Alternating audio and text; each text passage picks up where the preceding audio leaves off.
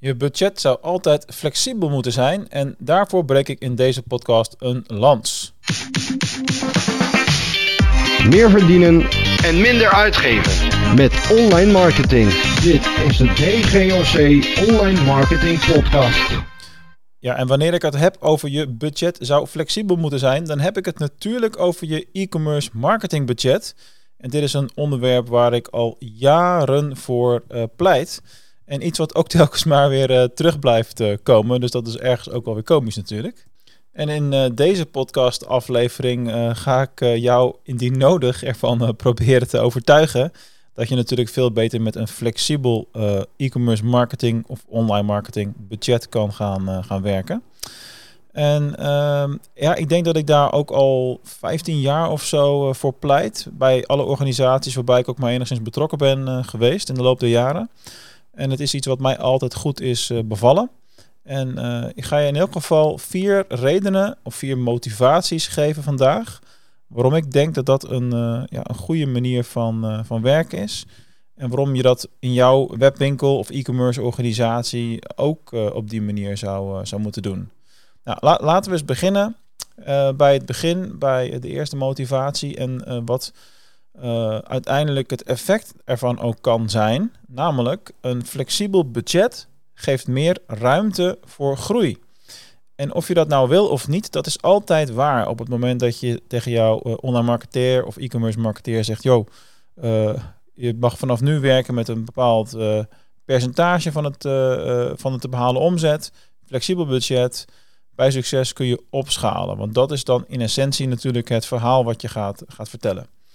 Ehm, dus een flexibel budget geeft meer ruimte voor, voor groei, eh, omdat de marketeer daar dan uiteindelijk zelf ook mee aan de slag eh, gaat. Maar wat is nou meestal de situatie? Dus wat is in heel veel organisaties de ja, gangbare eh, gang van zaken, om het zo maar te zeggen?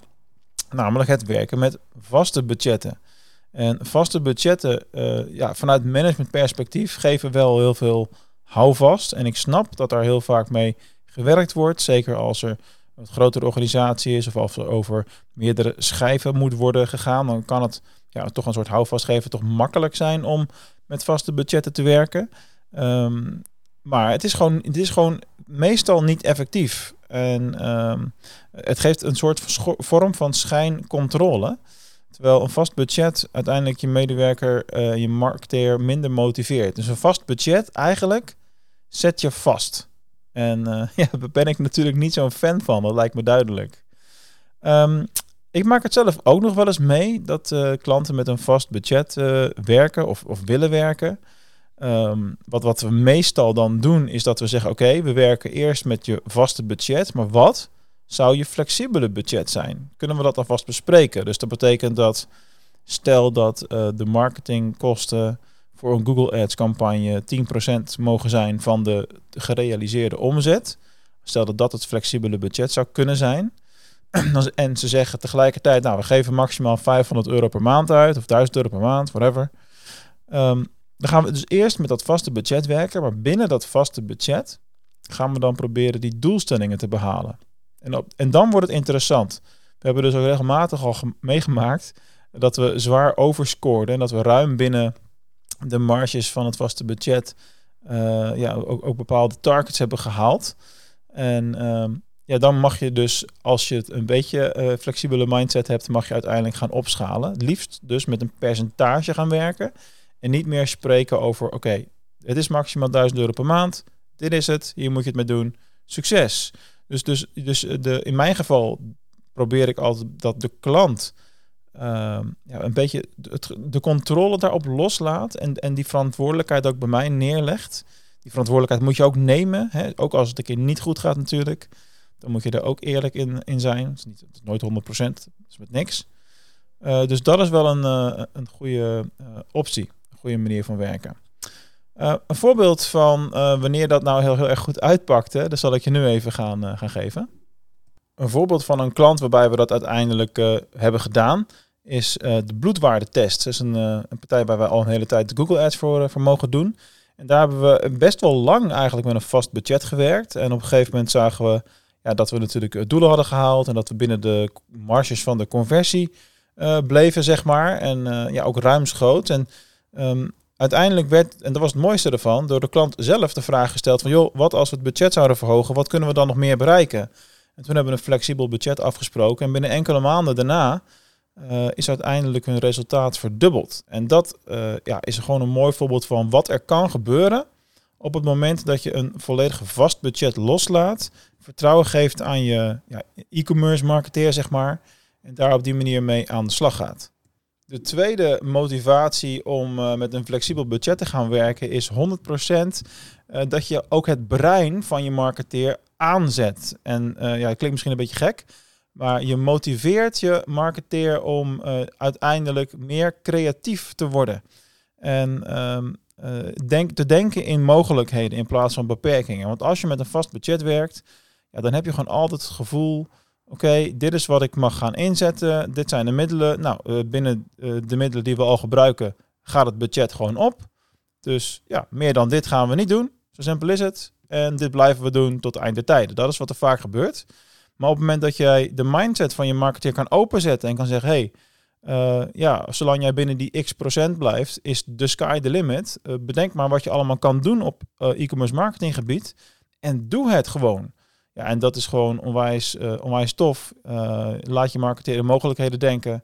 Zet het actieve brein aan in plaats van het passieve brein, wat meestal actief is. Dat is nooit zo'n goed idee trouwens.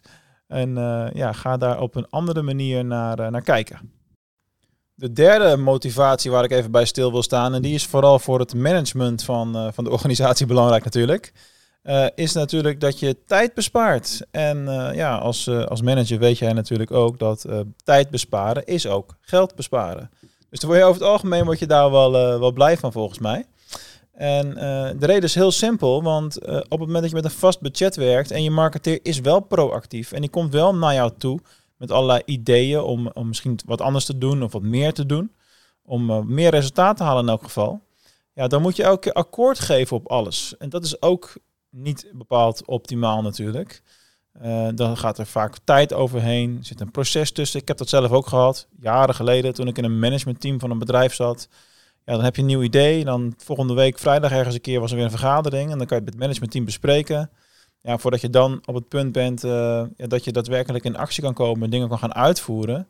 Dat schiet gewoon niet op. Uh, tenzij je een manager hebt die zegt van joh, probeer gewoon alles en ik heb liever dat je achteraf sorry zegt en, en de dingen dan weer goed maakt. Als dat je te lang stilstaat. Dat, dan, dat is beter. Maar dan heb, je, dan heb je dat flexibele budget als nodig. Dus ja, motivatie 3 als management tijd besparen. En daarmee uiteindelijk dus ook geld besparen. Een ander groot voordeel wat ook nog bij die derde motivatie hoort. Is dat over het algemeen de uitvoerende marketeers op de werkvloer het makkelijker vinden om met een flexibel budget te werken, maar ook daardoor meer verantwoordelijkheid voelen. Want je geeft ze dat en als je mensen meer verantwoordelijkheid geeft, dan zul je zien dat ze in de praktijk daar ook ja, zich naar gaan gedragen. En dat is echt wat je wil.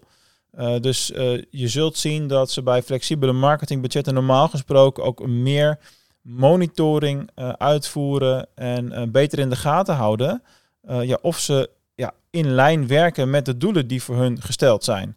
Dus dat is ook een, eh, een interessante reden nog steeds binnen dezelfde motivatie, binnen die derde motivatie om met een flexibel e-commerce marketingbudget te gaan, gaan werken. Nou, we zijn er bijna. We gaan nu naar de vierde motivatie toe. En dat is eigenlijk de meest praktische van allemaal. Namelijk dat de advertentieplatformen waarmee je steeds meer werkt natuurlijk, de Google Ads, de Facebook Ads, noem het maar op, die zijn gemaakt voor flexibele budgetten. En uh, om dan daarmee om te gaan. Natuurlijk uh, heb je binnen Google Ads wel zoiets, en bij Facebook ook trouwens, heb je wel zoiets als een dagbudget. En heb je wel daarin natuurlijk bepaalde uh, ja, spelregels en, en, beperkingen. Dus je, je, stelt wel een vast bedrag per dag in, maar dat is meer om het te bewaken.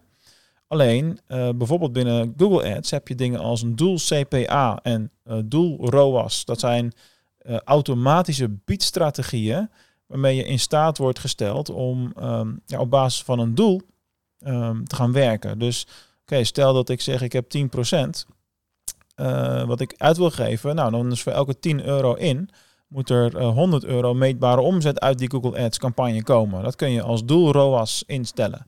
En dan heb je wel een dagbudget, maar dat is meer een soort van bewaking om niet boven een bepaald maximum te gaan. Dus je kunt met een dagbudget van 50 euro werken, maar ook met een dagbudget van 500 euro of 1500 euro. Dat heb ik ook al vaak genoeg gezien. Want ja, zolang je binnen je doelroos blijft bewegen, oftewel zolang je binnen dat flexibele budget blijft bewegen, uh, is het eigenlijk altijd wel goed. En ehm, uh, dat maakt ook dat, uh, dat een flexibel budget ook hier makkelijk toepasbaar is. Nou, natuurlijk niet alleen binnen Google Ads speelt dit. Dit geldt ook gewoon simpelweg voor um, Facebook Ads campagnes, Instagram, wat daarin gebakken zit. Maar ook op LinkedIn, op Twitter. je gaat gewoon met doelen werken, met conversiedoelen bijvoorbeeld. En ja, dan, dan kun je dat eigenlijk altijd blijven opschalen. tenminste, zolang jij elke keer ook meer omzet wil. Nou, ik ga ervan uit dat je dat wil.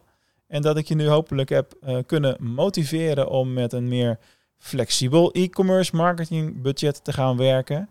Uh, wil je daar eens over van gedachten wisselen? Uh, wil je mijn visie daarop? Boek dan eens een strategiecall met mij in. ga naar dgoc.nl en dan zal daar ergens de knop staan. Ik weet even niet uit mijn hoofd wat de URL is, dat is ook wat.